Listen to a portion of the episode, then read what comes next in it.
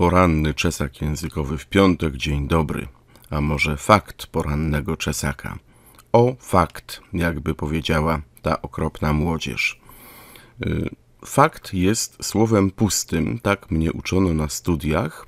Należy do tak zwanej waty słownej i nie należy go nadużywać.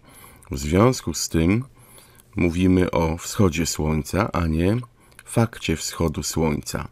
Przy okazji awantury, czy też huku plotek o potencjalnym zwolnieniu pani konserwator Bogdanowskiej, pojawiło się mówienie o fakcie braków kadrowych. Nie, można tłumaczyć coś brakami kadrowymi.